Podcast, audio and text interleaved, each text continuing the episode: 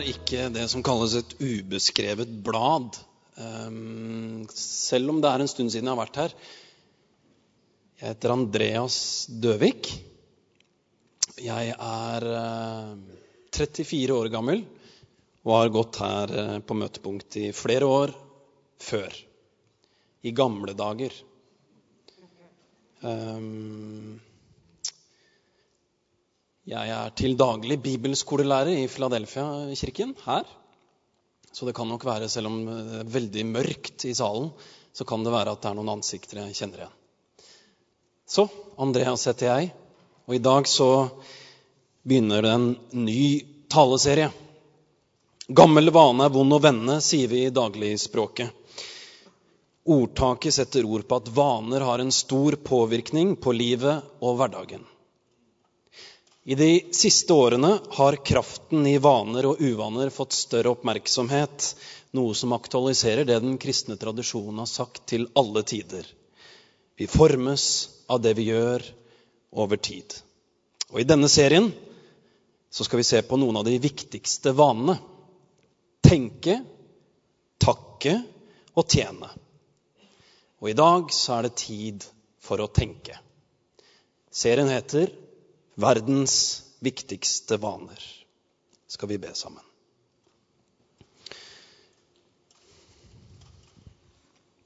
Gud, vi vender oss til deg igjen og igjen og igjen. Og så ser du på oss. Og vi møter godhet, fred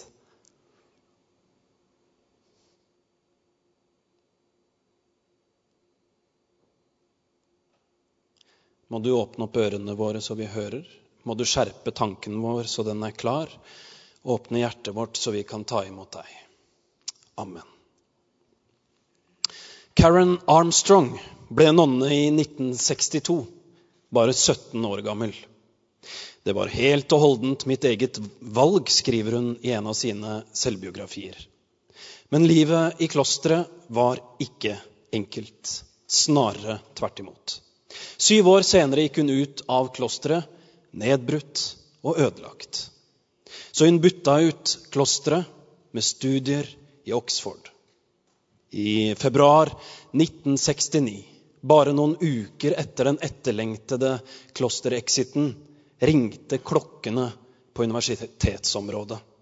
Klokken var 19.20. Det var tid for kveldsmat. Når kirkeklokkene ringte i klosteret, da måtte nonnene slippe alt de hadde i hendene. Klokkene ringte jo inn til gudstjenester og måltider. Klokkene var som Guds kall, og det var bare å adlyde. Nonnen Armstrong adlød klosterklokkene. Det var en vane som hadde satt seg i kroppen. Men som student var det ingen som krevde at hun skulle slippe alt hun hadde i hendene bare fordi klokkene ringte denne kvelden til kveldsmat. Så denne februarkvelden fortsatte Armstrong å skrive på essayet hun skulle levere inn neste morgen. Klokkene ringte. Hun adlød ikke. Men hun var sulten, så hun skyndte seg over universitetsområdet, åpnet døren, glassdøren til den store kantinen, og støyen fra 400 medstudenter møtte henne. Men så skjedde det noe. I stedet for å neie kort til rektor som en unnskyldning for å komme for sent, sånn var datidens Oxford-etikette, knelte hun ned og kysset gulvet foran rektor. Foran 400 medstudenter. Det bare skjedde. På ren rutine gjorde Karen Armstrong det alle nonnene gjorde hvis de kom for sent.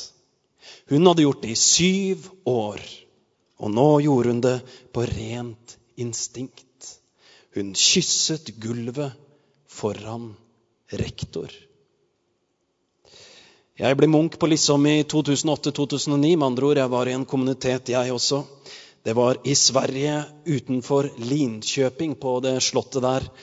Nye slottet Bjerka Seby. Mottoet for fellesskapet vårt Det var be og arbeid, og rytmen gjaldt døgnet rundt. Men jeg flytta tilbake til Oslo igjen etter bare ett år. Um, I desember 2009 satt jeg i en gymsal på MF vitenskapelig høgskole og hadde eksamen som teologistudent. Jeg hadde forberedt meg i flere måneder, akkurat som jeg håper flere av dere har gjort det nå. Lest, streket under med gul markeringstusj og notert. Og mens jeg satt der og skrev til fingrene verket og ble blå av blekk, så kilte det til i magen. For jeg gleda meg til å komme hjem og se The Wire. Til opplysning. The Wire er en krimserie som handler om politi en politienhet i Baltimore som skal avsløre og arrestere et narkokartell. Så mens klosterlivet hadde satt seg fast i Karen Armstrongs kropp. Så hadde TV-titting og populærkultur satt seg fast i kroppen min. Vanene våre former verden. Og verden former våre vaner på godt og vondt. Du blir det du gjør, skriver teolog og prest Stian Kilde Aarebrot i sin nyeste bok 'Kunsten å forme livet', som herved er sterkt anbefalt. Her er hjernen helt sentral, både i boken til Aarebrot og når det gjelder vaner. Hjernen, som er en gråhvit klump med gelékonsistens, består av 86 milliarder nerveceller og veier rundt halvannen kilo den er ikke alene. Hjernen er jo en del av kroppen. Den er kropp. Og det sier seg selv at hjernen er komplisert. Men det finnes en modell som kanskje kan hjelpe oss, selv om den forenkler litt, så jeg får beklage til de som har fagkunnskap på forhånd. Men denne modellen den heter den tredelte hjernemodellen. Og i denne modellen er hjernen egentlig tre hjerner lagt oppå hverandre. Og den første delen, det er sansehjernen. Sansehjernen holder orden på mange av de kroppslige funksjonene. Blodtrykk, søvn, appetitt, opplevelsen av fare og trygghet. Sansehjernen er stedet for impulser og kroppsfornemmelser, altså. Nummer én sansehjernen. Nummer to er følehjernen. Følehjernen er mer avansert enn sansehjernen. Denne delen holder bl.a. styr på forholdet mellom oss selv og omgivelsene våre. Følehjernen driver med regulering av atferden vår og snakker følelsenes språk. Så til den siste delen tenkehjernen. Det er her vi finner tenkning, analyse, abstraksjon, kommunikasjon osv. Så, så det vi vanligvis tenker på som hjernen, er tenkehjernen. Og det er her problemet oppstår. Noen ganger er det et ordentlig trekantdrama i hjernen vår. For de forskjellige delene snakker ikke alltid så godt sammen. Derfor sier vi f.eks. at hode og kropp de spiller ikke på lag, eller vi sier at fornuften sier én ting, følelsene sier noe annet. Og for å si det sånn onkel P er ikke, er ikke den eneste som har styggen på ryggen. Og de mange av oss som har sett TV-serien Jeg mot meg, selv om vi ikke sitter der, så kan vi kjenne oss igjen. Det er så lett å dele opp verden i to. Gud i himmelen, menneske på jorden. Det åndelige på den ene siden, det kroppslige på den andre siden. Tro her, tanke der. De fleste av oss tar denne splittelsen for gitt, men den er helt fremmed i den jødiske kulturen vi møter i Bibelen. Shema er et godt eksempel. Hver morgen og hver kveld i tusener av år så har jøder bedt denne bønnen som kalles Shema. Og vi finner den i 5. Mosebok, kapittel 6. Hør! Og det er det hebraiske ordet Shema. Hør, Israel! Herren er vår Gud. Herren er én. Du skal elske Herren din Gud av hele ditt hjerte, av hele din sjel og av all din makt. Disse bud som jeg pålegger deg, disse ordene som jeg pålegger deg i dag, skal du bevare i ditt hjerte. Hva betyr det å elske Gud av hele sin sjel? Jeg vet ikke om du har lagt merke til det på powerpoint-slidene våre, men det er stadig så dukker dette ordet opp. Lovsyng Gud og min sjel. Hva, hva, hva betyr det? Det hebraiske ordet for sjel er nefesh. Ordet sjel er en litt dårlig oversettelse, for ordet kommer med masse tung bagasje. Sjelen blir jo sett på som noe ikke-kroppslig, noe udødelig inni mennesket. Og da blir sjel det motsatte av kropp, ikke sant? I Det gamle testamentet så er mennesket en nefesh. Men ordet refererer til mennesket som en levende og pustende og fysisk enhet. Og noen ganger betyr ordet rett og slett selve livet og kroppen. Det kan du ikke lese deg til ved å bare lese Salme 103, altså. Så når jøder ber Shema hver morgen og hver kveld, så ber de om å få elske Gud med hele livet sitt, med alt de er og gjør og har. Så denne serien har fått tittelen 'Verdens viktigste vaner'. Og i dag handler det om tanke. Men vi må ikke la oss lure, for denne vanen handler om mye mer enn bare tenkehjernen. Verdens viktigste vaner handler om kunsten å forme livet. Og Bibelen er full av fortellinger men, av, om mennesker som ikke behersker den kunsten. F.eks. kirken i Efesus. Paulus' brev til efeserne er delt opp i to deler. I den første delen så forsøker Paulus å fortelle hvem de er. Sånn egentlig. Han vil sette dem på plass. I den andre delen forsøker Paulus å veilede efeserne, sånn at de lever ut sin dypeste identitet. Og han går rett på sak. I vers 3 til 14 blir efeserne beskrevet som Og nå må du holde pusten. Velsignet med all åndens velsignelse i himmelen, utvalgt før verdens grunnvoll ble lagt, stående for Guds ansikt, hellig og uten feil, elsket barn av Gud, overøst med nåde, satt fri, tilgitt arvinger, bærere av Den hellige ånd, en del av Guds folk er lik. Efeserne er i Kristus. For en liste! Og på gresk så er denne passasjen skrevet i én eneste setning uten punktum. Det er som om Paulus tar et ordentlig magedrag og rapper frem budskapet om hvem efeserne er. En sånn omvendt styggen på ryggen, altså. Det er ingen tvil om hva slags reaksjon han forventet seg fra efeserne. Et stort smil! Se på dere selv, efesere. Se hva Gud har gjort. Se hvem dere er i Kristus. Se hva dere er med på. Og den første delen av brevet er skrevet i indikativ. Det betyr at Paulus beskriver et faktisk og virkelig forhold, en objektiv virkelighet. Paulus plasserer dem i Guds store fortelling med verden. Og jeg kan levende forestille meg at efeserne med de forskjellige hjernedelene begynte å krangle seg imellom. Jeg føler ikke at det er sånn. Sånn tenker ikke jeg, i alle fall.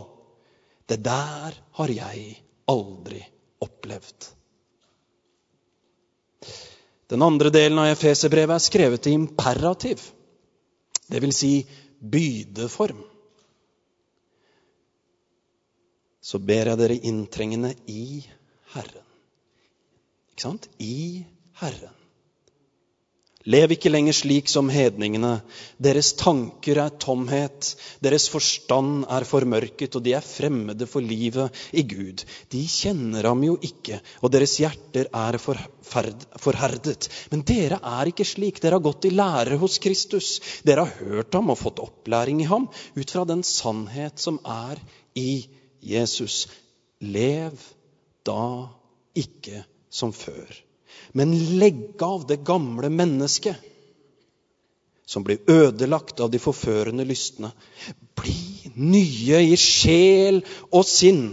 Kle dere i det nye mennesket, som er skapt i Guds bilde, til et liv i sann rettferd og hellighet. Efesernes egentlige identitet er i Kristus. Og Derfor oppfordrer Paulus dem til å forme og danne livet sitt ut fra den identiteten. Og nå skal efesner plassere seg selv og sine livsfortellinger i Guds store fortelling. Men det er lettere sagt enn gjort. For sansehjernen og følehjernen hører ikke på sunn fornuft. Hørte dere? Sansehjernen og fø... Dette finner ikke jeg på nå. Sansehjernen og følehjernen hører ikke på sunn fornuft. De hører ikke. Det er krig hjemme hos oss. To ganger om dagen, hver morgen og hver kveld. Vi har en liten gutt på 20 måneder som hater å pusse tennene. Den lille guttekroppen stritter imot og biter tennene sammen. Da hjelper det ikke med en informasjonskampanje fra Den norske tannlegeforening. Det hjelper ikke å lekse ham opp og snakke ham til fornuft. Så hva skal vi gjøre? Vi øver. Sånn at det å pusse tennene blir en vane sånn at det setter seg i kroppen. Forresten, Jeg har hørt om en mamma og en pappa som ikke fikk til dette med tannpuss på lillejenta. Og de prøvde alle triks. Jeg vet ikke hvem som kom på den ideen, men den funka som fjell. De holdt jenta opp ned. Og da var det ok å pusse tennene. Jeg sa jo at sansehjernen og følehjernen ikke hører på sunn fornuft. Men her er de gode nyhetene.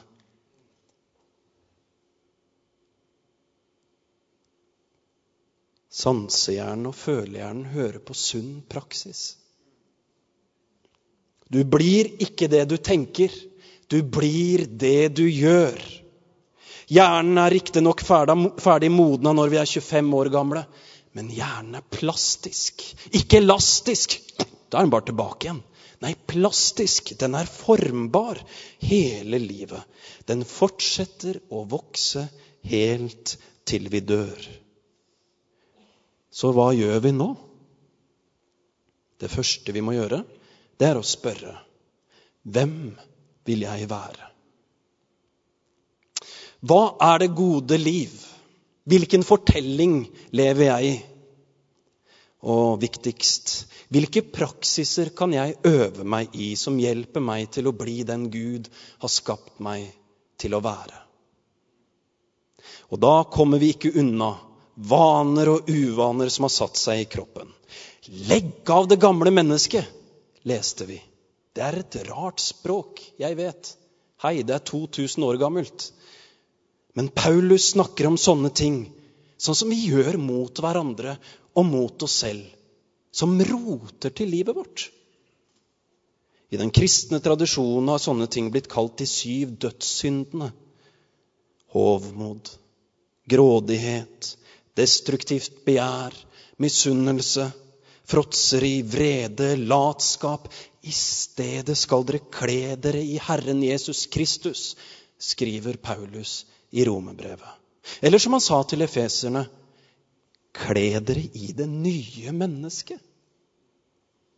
Vi må plassere oss i Guds fortelling, som kirke og som enkeltpersoner. Men rett etter at Paulus har beskrevet hvem efeserne er i Kristus, så begynner han å be for dem. Og det er nok ikke tilfeldig.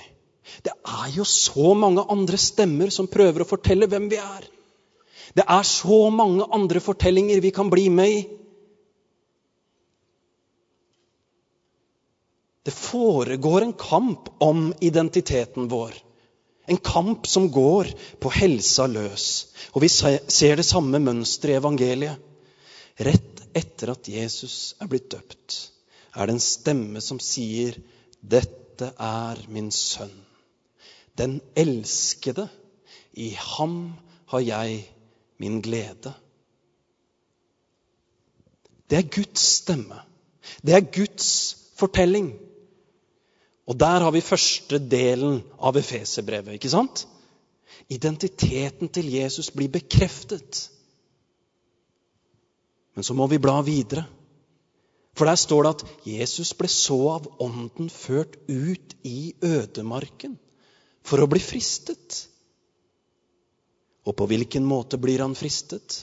Jo, to av tre ganger blir fristelsene innledet med spørsmålet Er du Guds sønn? Makan! Gud fastslår i dåpen at Jesus er Guds sønn, den elskede. Men i fristelsesfortellingen som følger umiddelbart etter, blir det sådd tvil om hvem han egentlig er. Er du Guds sønn? Hva gjør Jesus midt i kampen? Han plasserer seg selv i Guds fortelling ved å sitere bibelvers. Han kan fortellingen, altså. Han har den på tungen. Den har satt seg fast i hjernen. Så jeg slår et slag for en god, gammeldags vane å meditere over Bibelen. Det latinske ordet 'meditatio' betyr bare noe sånn som å kretse rundt eller reflektere over. Vi må bli som kua. For kua tygger drøv, kua tygger og svelger maten, men så gulper kua opp den halvfordøyde maten, som kua tygger og svelger igjen. Sykt digg! Hvis vi skal plassere oss selv i Guds fortelling, så må vi begynne å drøvtygge på bibeltekster. Efeserbrevet inneholder seks kapitler. Så hva om vi drøvtygger Efeserbrevet seks uker fram i tid? Les et kort avsnitt hver dag. Les sakte, gjerne høyt. Det hebraiske ordet for meditasjon det er haga. Og det betyr rett og slett mumle eller snakke stille. Kanskje det er litt rart å lese høyt for deg selv, men det er bare fordi du gjør noe nytt. Jeg husker første gangen jeg bøyde kne. Det var kjemperart. Og det er jo ikke noe rart. Det var første gangen jeg gjorde det. Det var ikke en vane, ikke i det hele tatt. Men litt etter litt så begynte det å sette seg i kroppen. I stedet for å fokusere på hva du får ut av lesingen her og nå, hva du får i tenkehjernen, ikke sant? Ikke forvent deg noe lynnedslag. Still heller spørsmålet hva kan jeg gjøre med dette i livet mitt? Og eksempel, hvis vi drøvtygger på Efeserbrevet, så er det næring å hente allerede i innledningen. Sånn begynner brevet. Nåde være med dere og fred fra Gud vår Far og Herren Jesus Kristus. Det går an å drøvtygge den setningen. Pugge den, rett og slett. Sånn at den setter seg. Og så koker vi setningen ned til to ord. Nåde og fred. Nåde og fred. Nåde og fred. Gud er nådig mot oss. Gud er den som skaper fred. Og så har vi begynt å tygge. Og så svelger vi, og så gulper vi opp. Og så tygger vi igjen, og så svelger nåde og fred. Så hva gjør vi med det, da? Hva, om, hva, skjer om jeg møter dagen, mennesker, situasjoner og konflikter med disse to ordene nåde og fred? Jeg mener selvsagt ikke at vi skal gå rundt og si nåde og fred til alle mennesker rundt oss. Men de to ordene kan bli en stille bønn, en stille hilsen, en grunnholdning og litt etter litt en vane. Nåde og fred. Bli som kua. For vi kan forme vanene så former de oss, og så kan de forme andre mennesker. Akkurat det der vet forfatteren AJ Jacobs en del om. Han er selverklært ekspert i å tenke negative tanker. Får jeg 100 komplimenter og én en eneste fornærmelse, så husker jeg fornærmelsen, avslører han i et foredrag. Det kan være at det er noen som kjenner seg igjen i det her. Men hjernen er nemlig forhåndsprogrammert til å fokusere på det negative. Men AJ Jacobs han ville gjøre noe helt konkret med uvanen. Og da måtte han lage en slags motvane ikke sant? mot uvanen. Det hjelper ikke å bare fortelle seg selv LJ Jacobs, du har masse å være takknemlig for. Å skrive en liste det hjelper ikke. Sansehjernen og følehjernen hører ikke på sunn fornuft. Så han tenkte jeg må lage en motvane. Og selv om han ikke er religiøs, så begynte han å be bordbønn sammen med familien. Ikke adressert til Gud, men han begynte å takke bonden som dyrket tomater, sjåføren som kjørte dem til butikken, kassadamen som ekspederte ham, osv. Helt til tiåringen i huset, sønnen, sa, 'Pappa, disse folkene er ikke her i huset.' 'De kan ikke høre deg. Hvis du virkelig bryr deg, må du takke dem personlig.' AJ Jacobs tok sønnen på ordet, og han valgte seg ut én ting han særlig setter stor pris på morgenkaffen. Er det noen som kjenner seg igjen? Han ville takke alle som hadde gjort morgenkaffen mulig. Eksperimentet varte i flere måneder, og han reiste jorden rundt. Han måtte jo takke sjåføren som hadde kjørt kaffebønnene til kafeen. Men sjåføren kunne ikke kjøre på veien hvis ikke veibyggeren hadde bygd veien. Han måtte takke veibyggerne, men han kunne ikke takke veibyggeren hvis han ikke hadde takket dem som hadde asfaltert veien. Han... Ja, du skjønner. Hele kloden rundt. Og det hele endte med at han takket over 1000 mennesker ansikt til ansikt. Og på slutten av eksperimentet så takket han som en gal to timer hver dag. SMS, telefonsamtaler, mail og besøkte folk. Noen lurte på hva skal han selge oss, da? Andre ble rørt. Som f.eks. kvinnen som jobbet med skadedyrbekjempelse i bygningen der kaffebønnene ble lagret. Seriøs fyr, han der, altså. AJ Jacobs ringte og sa jeg vet at dette høres rart ut, men jeg vil bare takke deg for jobben du gjør for å holde skadedyr unna kaffebønnene mine. Hvorpå kvinnen svarte vel, det høres rart ut, men du reddet dagen min.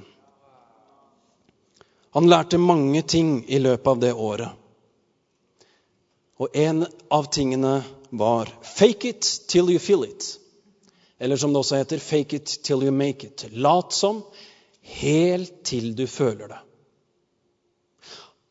Han handlet altså som om han var takknemlig. Og litt etter litt så fant han ut at han faktisk dypest sett var takknemlig. Vi trenger ikke gode motiver for gode handlinger. Nevrologien og Erfaringen lærer oss at gode handlinger fører til gode motiver. Veldig viktig rekkefølge. Det setter seg i kroppen. Så hør her. Vi tenker oss ikke fram til en ny måte å leve på. Vi lever oss fram til en ny måte å tenke på. Vi tenker oss ikke fram til en ny måte å leve på. Vi lever oss fram til en ny måte å tenke på. Du blir det du gjør. Ja, men sånn har ikke jeg tenkt det.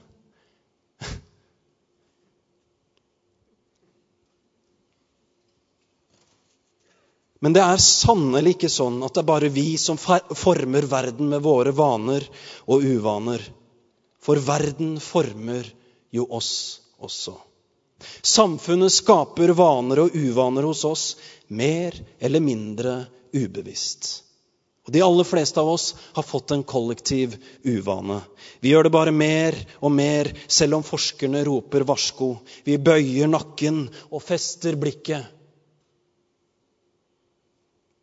Det bare skjer. Det har satt seg i min kropp, det har satt seg i hendene, det har satt seg i hjernen. Ikke hør meg feil. Teknologi kan være godt, men vi må ikke tro at teknologi er nøytralt.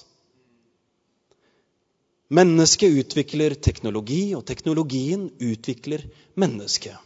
Har dere hørt uttrykket 'the medium is the message'? Han som mynta uttrykket, han endra litt på det. Han sa 'the medium is the massage'. Så hva sier noen av dem som har utvikla teknologien om teknologien? F.eks. Steve Jobs, som ble intervjua i New York Times i 2010. Da ble han spurt om barna hans elsket nettbrett, og han svarte de har ikke prøvd den. Vi begrenser barnas bruk av teknologi hjemme. IT-toppene i Silicon Valley de sender barna sine på Steinerskolen for å beskytte dem mot den digitale eksponeringen. Hvor de bruker god, gammeldags tavle og kritt og penn og papir. Ikke nettbrett, ikke IT-toppen i Silicon Valley. Eller hva med Sean Parker, som er en av folka bak Facebook, som sier Gud vet hva det vil gjøre med barnas hjerner. Forskerne vet. Mobilen messer til hjernen vår fordi den er sterkt avhengighetsskapende. Fagfolk sammenligner mobilavhengighet med andre former for avhengighet, som f.eks. alkoholavhengighet og gambling. Og Da jeg skrev dette avsnittet og forberedte meg, så, så sleit jeg skikkelig, for det er ikke så lett å snakke om. Men så hørte jeg på vei hjem på T-banen Verdibørsen, som er et program på P2. og Der var det noen filosofer som snakket om dette temaet. Og de dro på! Og de sa én ting er at tålmodigheten vår blir bare mindre og mindre. Det er én ting, og hva det gjør i våre mellommenneskelige relasjoner. Men en annen ting som de var virkelig bekymret for, det var vår uro. For vi alle kan være urolige. Og så sier en av filosofene noen ganger så har jeg sagt fem minutter på Facebook fordi jeg er urolig. Med andre ord man feiser ikke uroen sin.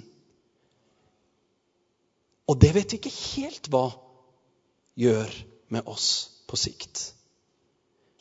Men vi gjør Vi vet hva som skjer med noe som skaper avhengighet hos oss.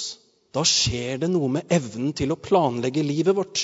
Hvem av oss har vel ikke googla for å finne svar på noe vi lurte på, for så deretter klikka videre, videre, videre, og vips, så gikk det to timer av kvelden. Og sånn kan digitale dingser være med på å ødelegge og rote til livet vårt, sånn at vi ikke lever sånn vi ønsker. Det er jo gått fullstendig av hengslene. Jordmødre har hengt opp plakater på fødeavdelinger. Som f.eks. denne. Her skjer det mirakler. Legg vekk mobiltelefonen og vær til stede. Det er til å gråte av. Dette er fødeavdelingen, det er ikke eksamensrommet. Alle alarmklokker ringer mens alle sitter på smarttelefonene sine. Jeg holdt på å spørre hvor mange ganger har du sjekka mobilen under gudstjenesten? Gudstjenesten? Så hva skal vi gjøre? For det første, hvis du har en iPhone, sjekk appen skjermtid på telefonen. Da finner du ut hvor mye tid du faktisk bruker. For det andre, vi må alle spørre hvordan vil vi at duppedingsene skal forme og danne livet vårt? Hva slags sønn eller datter vil jeg være? Hva slags venn vil jeg være? Og viktigst, det er kanskje ikke så aktuelt her i kveld, men hva slags far eller mor vil jeg være? Hva slags arbeidstaker vil jeg være? Hva slags student vil jeg være? For det tredje noen ganger må vi legge mobilen bort. Fysisk bort fra kroppen. Jeg vet ikke hva du liker, men for min del er det få ting som slår en god fotballkamp, og i forrige uke fikk jeg nesten hjerteinfarkt da Liverpool spilte mot Barcelona. Jeg kjente det i magen. Den sitrende spenningen, gleden og aldri i verden om telefonen får lov til å forstyrre meg da. Vi burde henge opp en plakat over livet vårt, og jeg snakker om oss alle. Her skjer underet hver dag. Vær til stede. Legg vekk mobilen. Derfor formaner jeg dere ved Guds barmhjertighet. Bær kroppen fram som et levende og hellig offer til glede for Gud. Det skal være deres åndelige gudstjeneste. Innrett dere ikke til den nåværende verden, men la dere forvandle ved at sinnet fornyes, så at dere kan dømme om hva som er Guds vilje. Det gode, det som er til glede for Gud, det fullkomne. Bær kroppen fram som et offer. Det skal være deres åndelige gudstjeneste. La dere forvandle ved at sinnet fornyes, og på svensk så brukes ordet her i Romerbrevet 12. Da brukes ordet tanke. Ved at sinnet fornyes. Her er kropp, ånd og sinn en integrert helhet. Alt henger sammen med alt. Jeg er en bekymra type.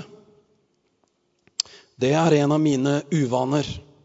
Det hjelper ikke å fortelle meg selv at alt går bra. Sansehjernen og følehjernen hører ikke på sunn fornuft. Men de gode nyhetene er at hjernen min er formbar, så jeg må gjøre noe, finne en praksis som blir en vane, en motvane mot bekymring. Sånn at jeg plasserer meg i Guds fortelling. For min del er det tidebønn. Da bærer jeg frem kroppen min som et offer. Det er min åndelige gudstjeneste. Og litt etter litt så lytter jeg etter stemmen som sier, Du er mitt barn, den elskede. I deg har jeg min glede. Så hva gjør du?